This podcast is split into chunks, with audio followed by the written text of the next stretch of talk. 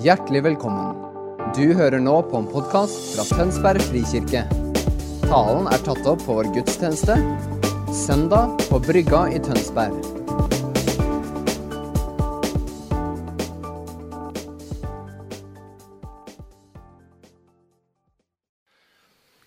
Dere vet at eh, Jeg vet det kanskje ikke, men eh, jeg følger ikke vi så ofte prekentekstene i og sånn. Men eh, vi har dem litt i bakhodet likevel, slik at vi registrerer det når det blir advent og sånn. Eh, og da har jo jeg prekt Vi, vi har jo prekt prekenteksten her i Tønsberg frikirke i, i gamle dager, for å si det sånn. Eh, så jeg har brynt meg på de fleste av dem. Eh, og da er det noen som kan ha en sånn eh, tanke om at eh, juletekstene, eller adventstekstene, det er sånne koselige greier vet du, som forbereder seg til jul. Og det er bare, det er bare tull. Fordi adventstekstene, det er røffe greier, altså. Bare begynn å lese dem, så ser du at det er tøffe saker. Og det handler jo selvfølgelig om og på en måte at vi skal forberede oss for det som kommer. Og da liker vi helst å forberede oss for at Jesus ble født. Yeah! Det er litt koselig. Eh, så er det litt mer sånn annerledes eh, det at Jesus eh, kommer. Og så er det det at han kommer en dag. Det jeg pleier å si at han kommer en dag. Og så har jeg da faktisk, når jeg tenkte meg om, jeg har aldri prekt det. Det tenkte jeg her for 14 dager siden at nå La oss be sammen. Jeg vet ikke om det er jeg som trenger forbund, eller dere, men det vil da vise seg. Kjære himmelske Far, vi takker deg for ditt ord. Alt det ditt ord beskriver. At vi kan lære visdom ved ditt ord. At du veileder vår vei ved ditt ord. Og så gjør du mer enn det. men ditt ord skaper også det du nevner. Det skaper disse åndsrealitetene i våre liv. Slik at vi ikke bare skal høre om dem og lese om dem, men vi kan få lov til å erfare dem. Så ber vi at du gjør det under i dag, at du taler til oss gjennom ditt ord. Amen. Og menigheten sa ah, Litt bedre, da. Sånn, ja. Vi er altså da fjerde søndag i advent, og det kommer opp der. Det er ikke fin stjernehimmel eh, der. Er, jeg blir nesten sånn nostalgisk her når jeg ser den der prosjektoren der, for den andre er litt i stykker. Men det er den vi hadde i gamlekjerka. Og så oppdaget vi kom til flere og flere stjerner på den der på hver søndag. Så lurte vi på hva var det som skjedde. Og så fant vi ut at det er støvkorn som har brent seg inn på linsen. Bare slik at Hvis du lurer på hvorfor de er der, men tenk på det som stjernehimmelen. Vi er altså inne i fjerde søndag i advent. Og advent, som dere da har hørt, betyr Herrens komme. Og advent er da en forberedelse til Jesu komme. Og Vi kan si at Jesus kommer da på tre måneder. Og da Jesus kom første gang, som jeg sa, og så Jesus kommer til oss i dag, hver en dag, ved Den hellige ånd. Og så den tredje at Jesus kommer tilbake en dag. Og da er jo det utfordrende spørsmålet i advent til alle Jesu tre kommer. Hvordan forbedrer du det? Det er det ekle spørsmålet, for å si det sånn. Menneskelig tenker vi at forbedring handler om aktiviteter vi skal gjøre eller ikke gjøre. Altså, du skal ta deg sammen så godt du kan. Og særlig adventstiden. Evangeliet beskriver noe helt annet. Gud har gjort noe. Han har faktisk gjort det som er nødvendig. Han fjernet synden som skilte oss fra ham, og så ga han oss Hjelperen, altså Den hellige ånd, som vi trenger for å leve ved Guds hjelp og kraft. Det er altså evangeliet. Og så tror jeg at ånden starter da, når mennesket blir født på ny, med Guds kjærlighet i oss. Da øser han Guds kjærlighet inn i denne nyfødte kristne. Det at ånden tar bolig i vedkommendes hjerte. For den kjærligheten fra Gud trenger vi. Vi trenger å få en forandret motivasjon for å live med Gud enn det vi hadde før. Fra å være selvopptatt og føle på et krav om å holde Guds bud, til et liv i kjærlighet som ønsker å høre og gjøre det Jesus vil. Det er evangeliet. Vi kan si at Den viktigste forberedelse handler da om å ta imot hjelp til å elske. Les Johannes. Han er proppfull av det. Altså ikke han, men det han skriver. Hvordan elsker vi, og hvordan det å elske har med å kjenne Gud å gjøre. At Hvis du ikke elsker, så påstår han at da kjenner du ikke Gud. For den som kjenner Gud, erfarer Gud, må liksom begynne å elske. Fordi Gud er kjærlighet.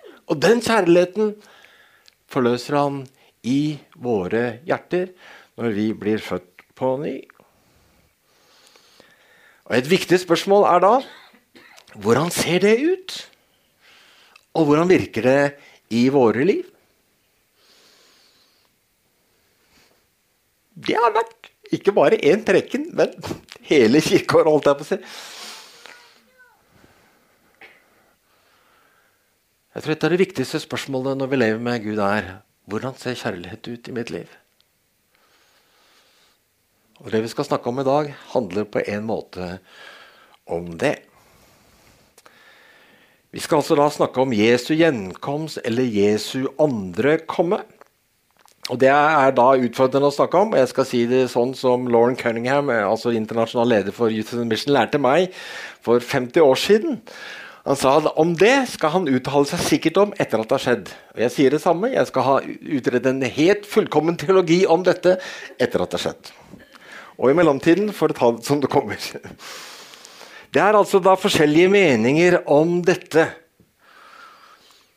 Og så er det også slik at forkynnelse om Jesu gjenkomst eller andre komme kan også skape frykt. Heller enn en erkjennelse av et alvor, og derav en omvendelse. Og derav en rett forberedelse. Ser du det?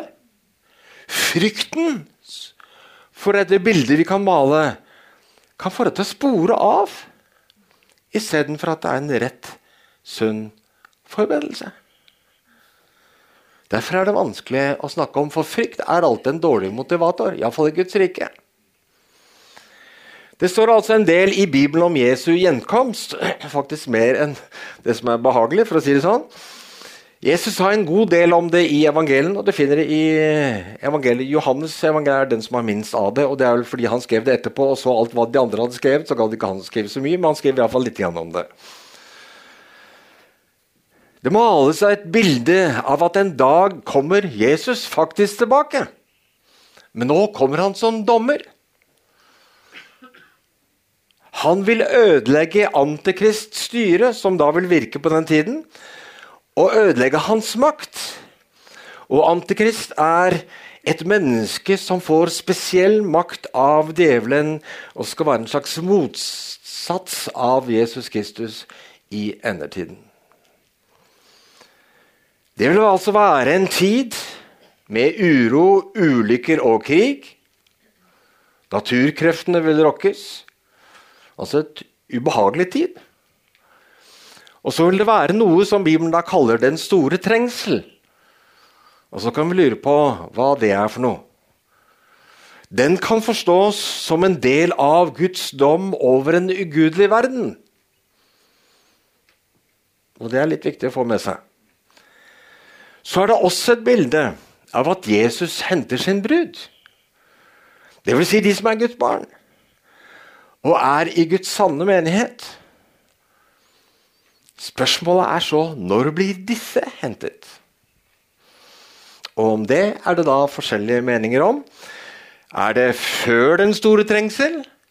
Er det midt i den store trengsel, eller er det ved slutten av den store trengsel? Og du har god si, argumentasjon teologisk for alle tre synene. Og det er lov til å være uenig med meg etterpå. I fredelige Norge hvis vi tar perspektivet som vi kan ha, kan vi tenke at forfølgelse og trengsel er på en måte det samme. Og at det, det kommer ved den store trengselen. Men virkeligheten i verden er at kristne alltid har hatt forfølgelse for sin tro. Så forfølgelse av kristne er ikke noe som hører endetiden til spesielt. Det er noe som foregår hele tiden, det. Bare at vi i Norge av en eller annen merkelig grunn erfarer svært lite av det. Det drepes flere for pga. den kristne tro nå enn noen gang før i kirkehistorien. De fleste av dere er bare ikke klar over det. Hvor det å velge å følge Jesus risikerer at du kan miste alt du har, og også livet ditt. Og det gir selvsagt et helt annet perspektiv på det. Den store trengselen kan heller beskrives som en tid med store vanskeligheter ut fra at Guds dom kommer på en syndig verden. Og Det er altså da god grunn for alle disse synene. Norsk studiebibel har en enkel forklaring på det. Jeg har norsk studiebibel, og jeg leser den. Og jeg vil da ta det da ut fra de kommentarene som da den gir. Vi skal se på dette ut fra hva Paulus sier om det, og bruker da det han sier i Tessalonikerbrevet som et utgangspunkt. Og da får vi det opp.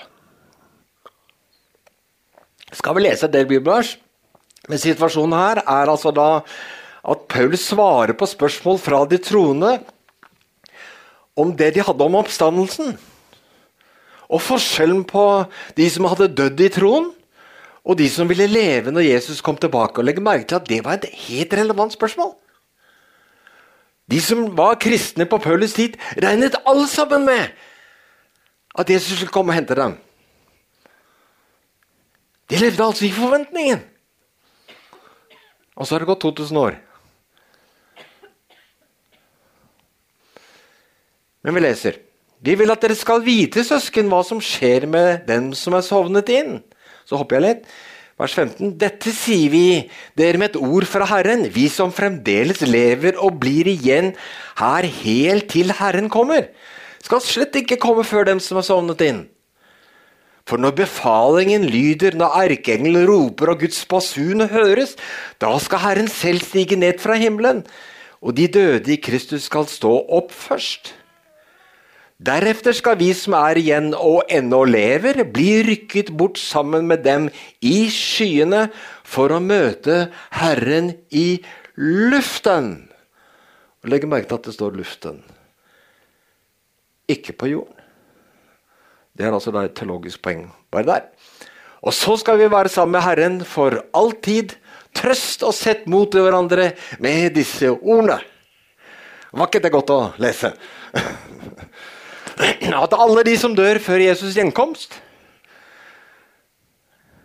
de har ikke veldig mye å tape. For vi som lever, eller de av dere som lever når han kommer, kommer ikke før dem.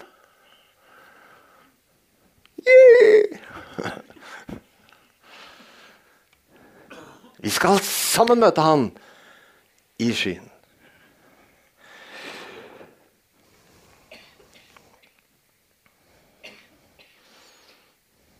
Kristi brud møter sin brudgom, og det kommer til å bli helt fantastisk.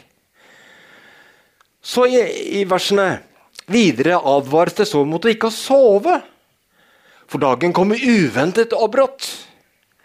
Paulus beskriver så en forberedelsesholdning som kristen da alltid skal leve i. Vi tar da fra eh, kapittel 5 i første test fortsatt, vers 8-9. Men vi som hører dagen til, skal være edru, kledd med tro og kjærlighet som brynje. Legg merke til kjærlighet som brynje. Med håp om frelsen som hjelp. For Gud har ikke bestemt oss til vrede, men til å vinne frelse ved vår Herre Jesus Kristus. Vi lever i perspektivet at Han kommer en dag. Derfor er jeg forberedt hver en dag.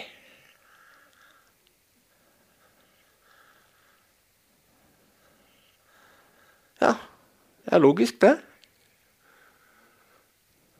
Så hopper vi over til andre test. Andre kapittel, vers 1-12.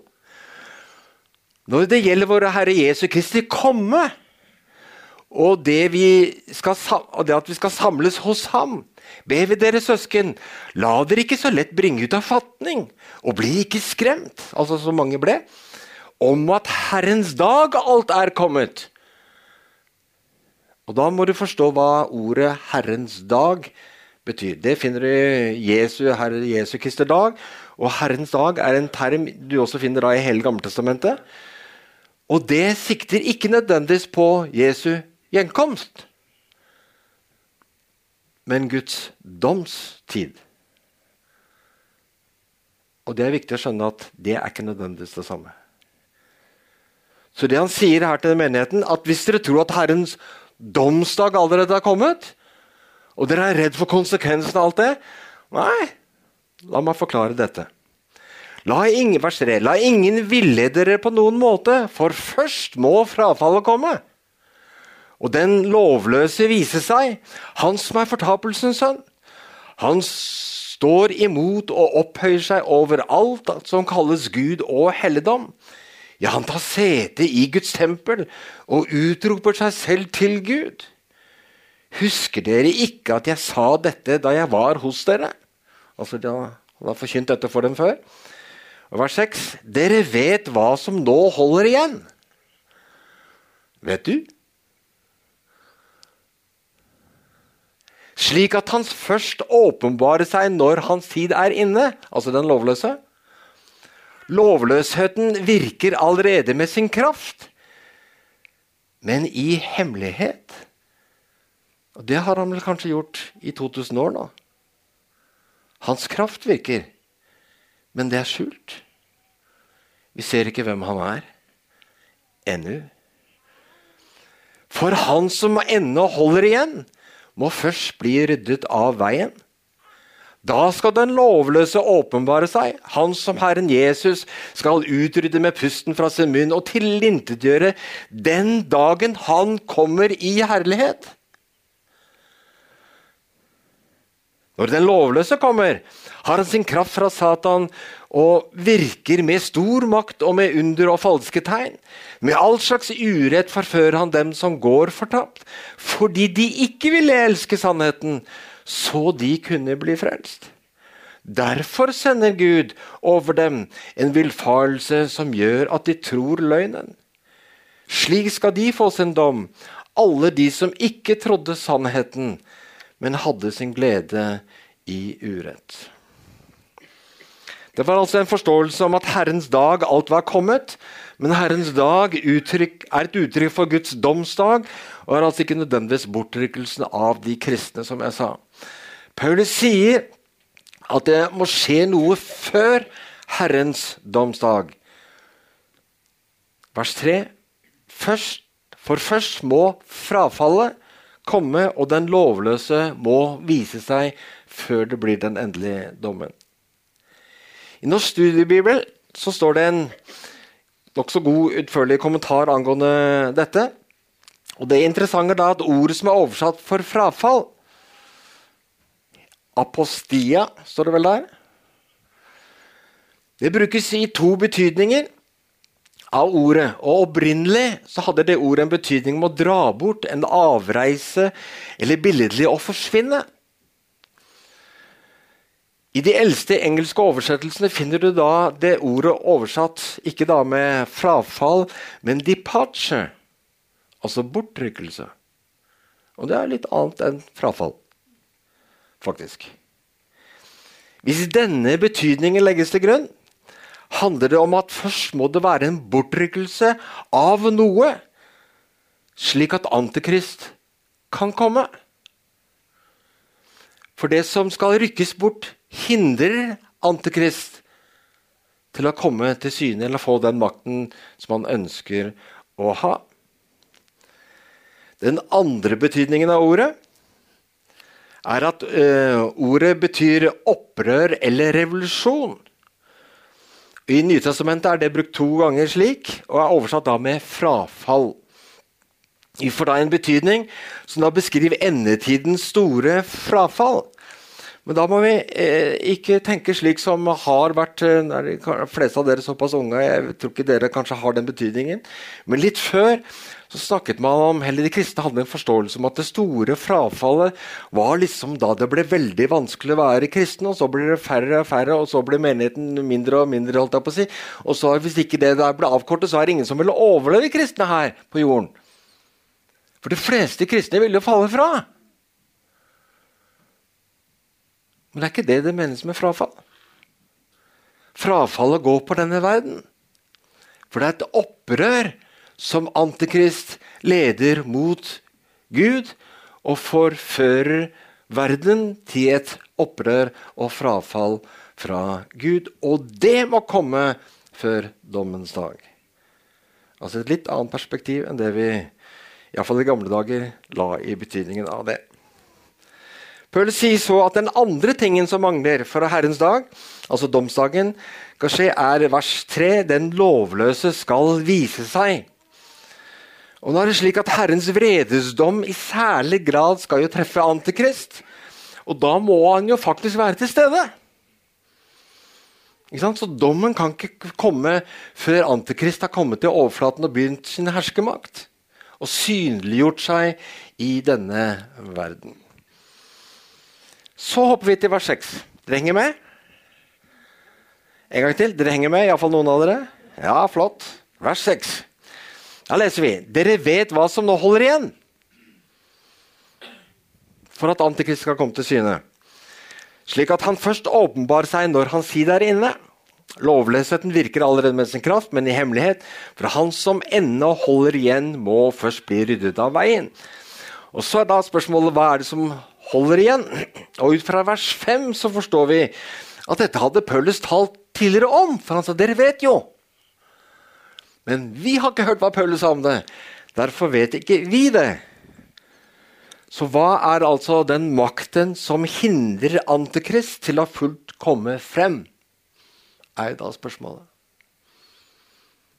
Hva er det som hindrer at ikke Antikrist overtar iallfall Europa nå?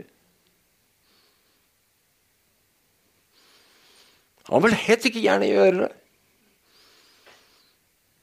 Hvorfor får han det ikke til? Tenker Paulus at det er Guds menighet? Som skal være jordens lys og salt? Og hvor Den hellige ånd er spesielt til stede i den å synliggjøre menigheten som Kristi legeme? Altså et uttrykk av Jesus. Og så lenge Jesus er der slik, så kan ikke motsatsen antikrist få sin makt.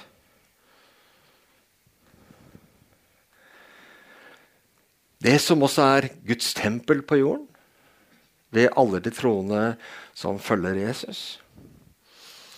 Vi kan si at Tolkningen blir da at Jesu kommer først i skyen og henter de kristne til alle tider, og så senere, på dommens dag, kommer tilbake med disse i herlighet og tar et oppgjør med Antikrist og hans dom.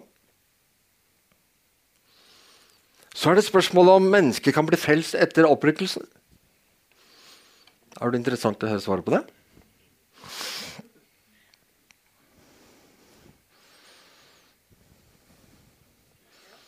Har dere lest disse bøkene latt tilbake? Nei, det var en sånn uh, populært for en stund tilbake. Det er sånn, Jeg leste ikke dem var helt klar uh... Men i to steder i evangeliene så beskrives faktisk den situasjonen. To er ute på marken, og plutselig forsvinner den ene. Og Det beskriver forskjellige livssituasjoner hvor to eller flere er sammen. Og så forsvinner den ene plutselig. Slik vil virkeligheten være når Jesus henter sin brud. Alle de som er troende, Jesus Kristus i hjertene, vil plutselig forsvinne fra denne kloden.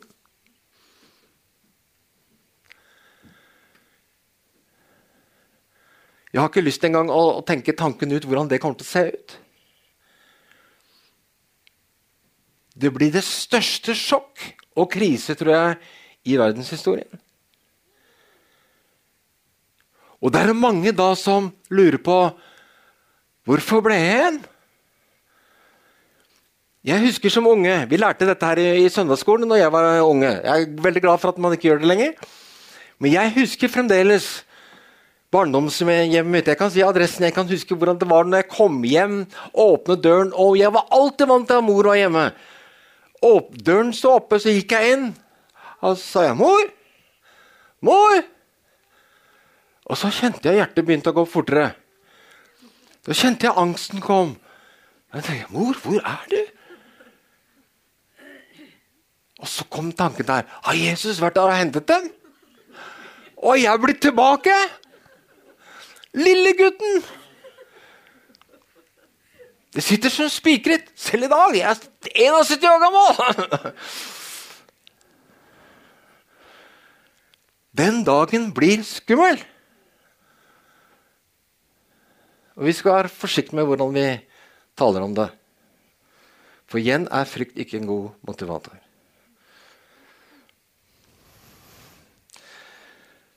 Så vi kan jo da anta at det blir en oppvåkning. Det er mange som vil kjenne evangeliet og finne at jeg la tilbake. Jeg var ikke forberedt. Jesus levde ikke i hjertet mitt. Jeg visste om Jesus, men jeg levde ikke livet med Jesus. Og jeg ble latt tilbake. Om man da vil omvende seg kanskje for sent til å bli Jesu brud der, men vi antar da at det er tid for omvendelse og frelse etter Jesu gjenkomst. Da, min gode venn, da er det scenarioet som da kommer i store trengsler og sånn, som er for noen. Og da blir det et liv i kristenliv som sannsynligvis koster alt det du har. Og sannsynligvis for de fleste også deres liv. Nok om det. Nå tror jeg at det viktige er ikke hvilken mening vi har om dette. Når du tror Jesus kommer tilbake og, alt sånt. Det som eh, Bibelen understreker alle stedene det tales om Jesu gjenkomst, er viktigheten av å være forberedt. Så når han kommer Det får heller bli som det blir, men la oss alltid være forberedt. Holdningen av å ikke sove, ikke være likegyldig, ha olje på lampen Alle disse lignelsene som Jesus forklarte.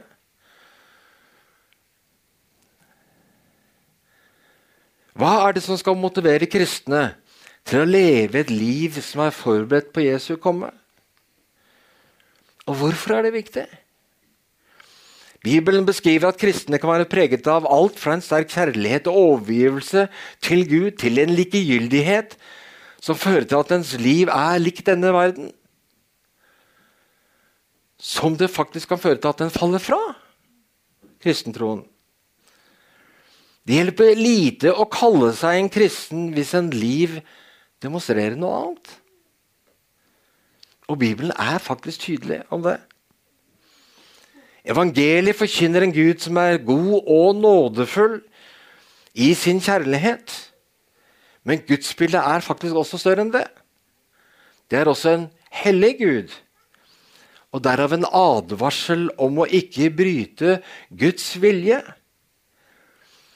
Det er et begrep som heter gudsfrykt som beskriver en viktig holdning for kristne, som gir en erkjennelse av at Guds nåde er ikke snillisme. Slik at nåden unnskylder alt. Gud vil nemlig holde oss ansvarlige for våre liv. Det er en god grunn for å ha en god, stor respekt og gudsfrykt overfor Gud og hans vilje. Paulus beskriver i 1. Korinterne 3 og 4 og 2. Korinterne 5 om at vi alle skal frem for Kristi domstol. Vi kan jo lure litt på når det skjer. Sannsynligvis skjer det etter at bruden har møtt ham. For vi må alle frem for Kristi domstol. for at hver og en kan få lønn for det han har gjort gjennom livet sitt i kroppen, altså her på jorden, enten godt eller ondt. Fordi vi kjenner ærefrykt eller gudsfrykt for Herren, så prøver vi å overbevise andre mennesker.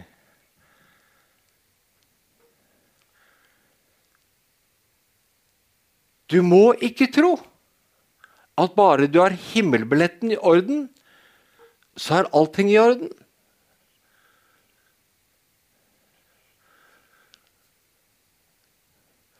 Du skal møte Jesus en dag, og han vil spørre deg hvordan levde du? Det spiller en rolle! Det spiller en kjemperolle hvordan du lever i dette livet.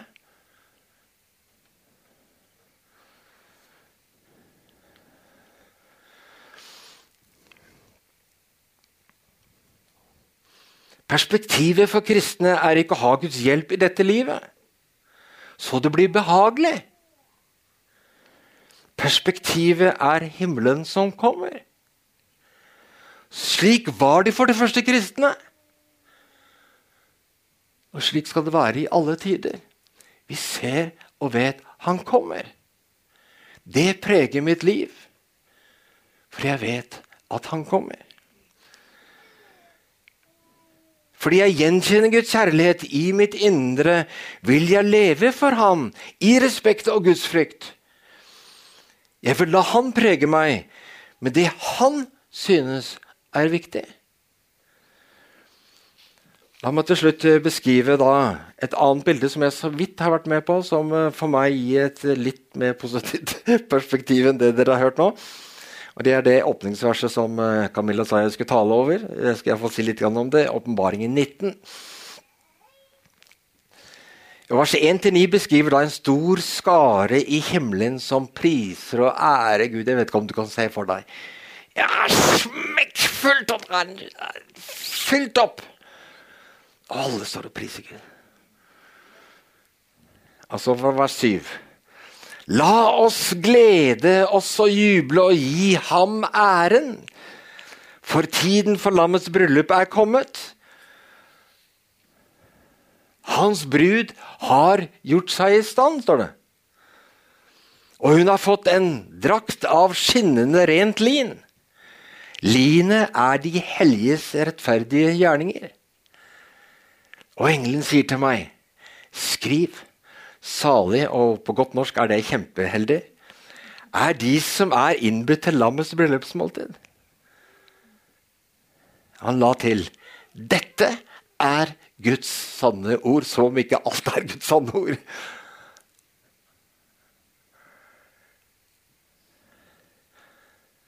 Kjempeheldig er de som blir med på lammets bryllupsfest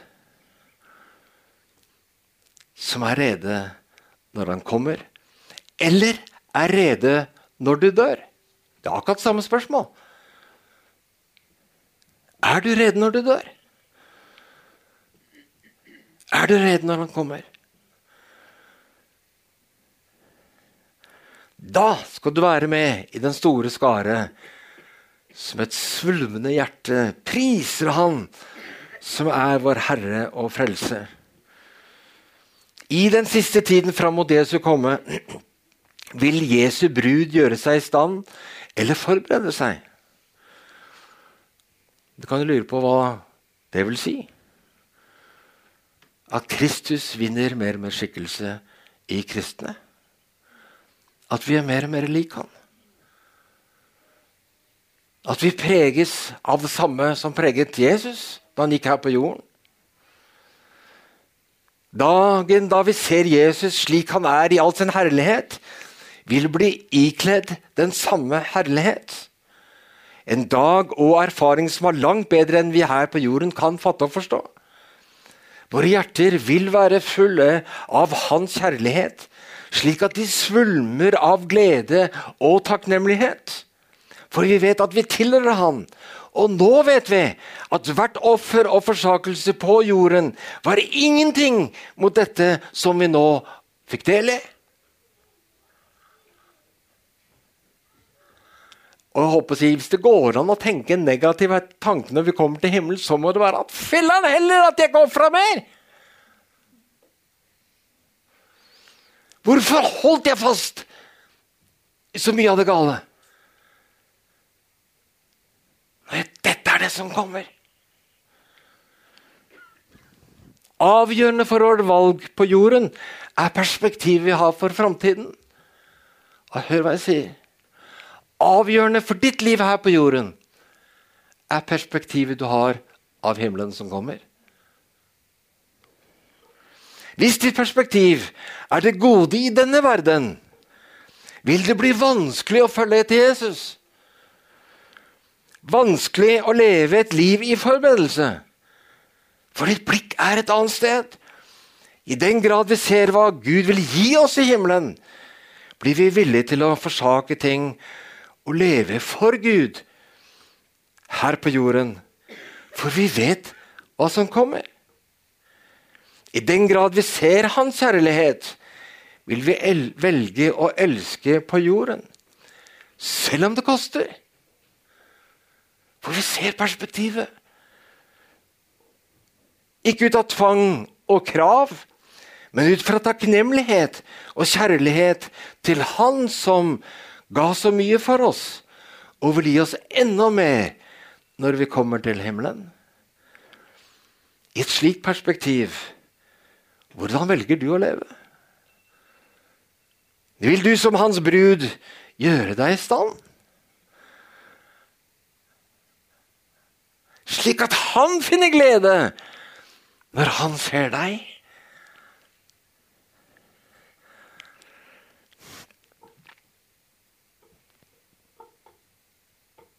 Å, må Gud åpenbare det for deg?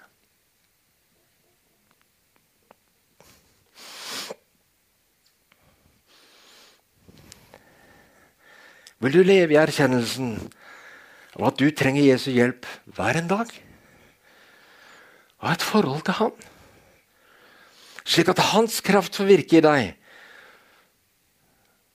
Slik at du velger å bli Hans kjærlighet og gi den videre. Det er kjernen i adventsforberedelse. Ta imot Hans kjærlighet og gi den videre. Jeg gleder meg til den dagen jeg skal se Han i herlighet.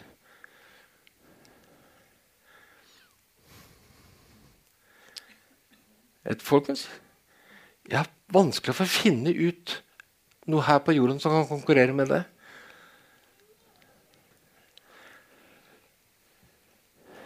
Jeg på å si barnebarn er liksom god grunn til å bli litt lenger. Kona også.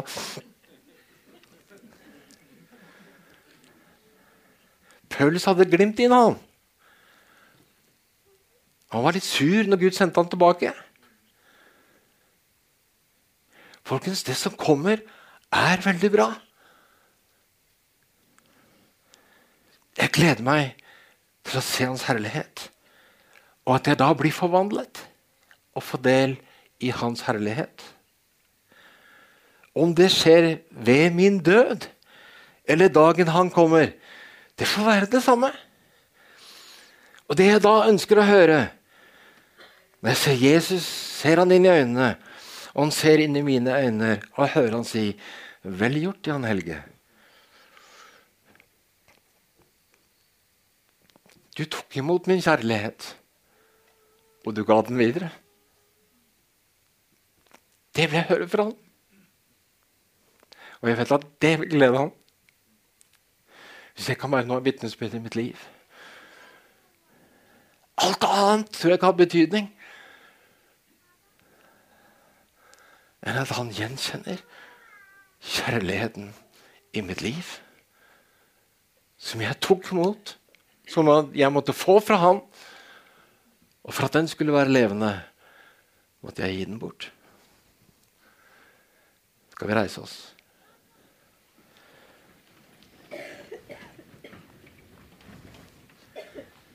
Herre Jesus, så kan dette med når du kommer, alt det der være litt vanskelig å forstå. Men vi sier, Herre Jesus, kom. Og så leste vi at uh, den som tørster Herre Jesus, den som lengter etter å se deg, lengter å erfare at deres liv blir forandret. Herre Jesus, det som ikke vi får til alltid, at du i et pust ordner alt. Herre Jesus, kom. Kom over i liv her og nå.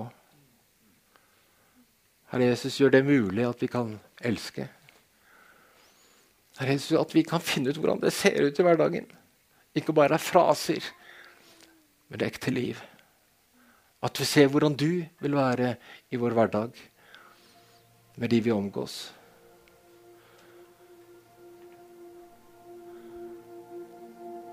Og Hvis du vil, så kan du åpne ditt hjerte for Jesus nå. Herre Jesus, fyll vårt hjerte. Kom med ditt åndspust inn i våre hjerter. Og gjør det i våre hjerter som bare du kan gjøre. Herre Jesus, og klarne våre øyne, slik at vi kan se noe av det håpet du har kalt oss til. At vi kan se det som kommer. Herre Jesus, at vi kan skjønne at det intet offer er for vanskelig egentlig fremfor deg. Herre Jesus, det må du virke med din gode Hellige Ånd. Ånd fra himmelen, kom med nåde. Kom med liv og lys her ned. La din guddomsmakt råde. Gi våre liv og gjør oss viser til salighet. Livets ord må du forklare for oss, så det virker hva du vil. Så la oss her ordets kraft erfare. Fyll vår sjel med hellig ild. Amen. Vær så god og sitt.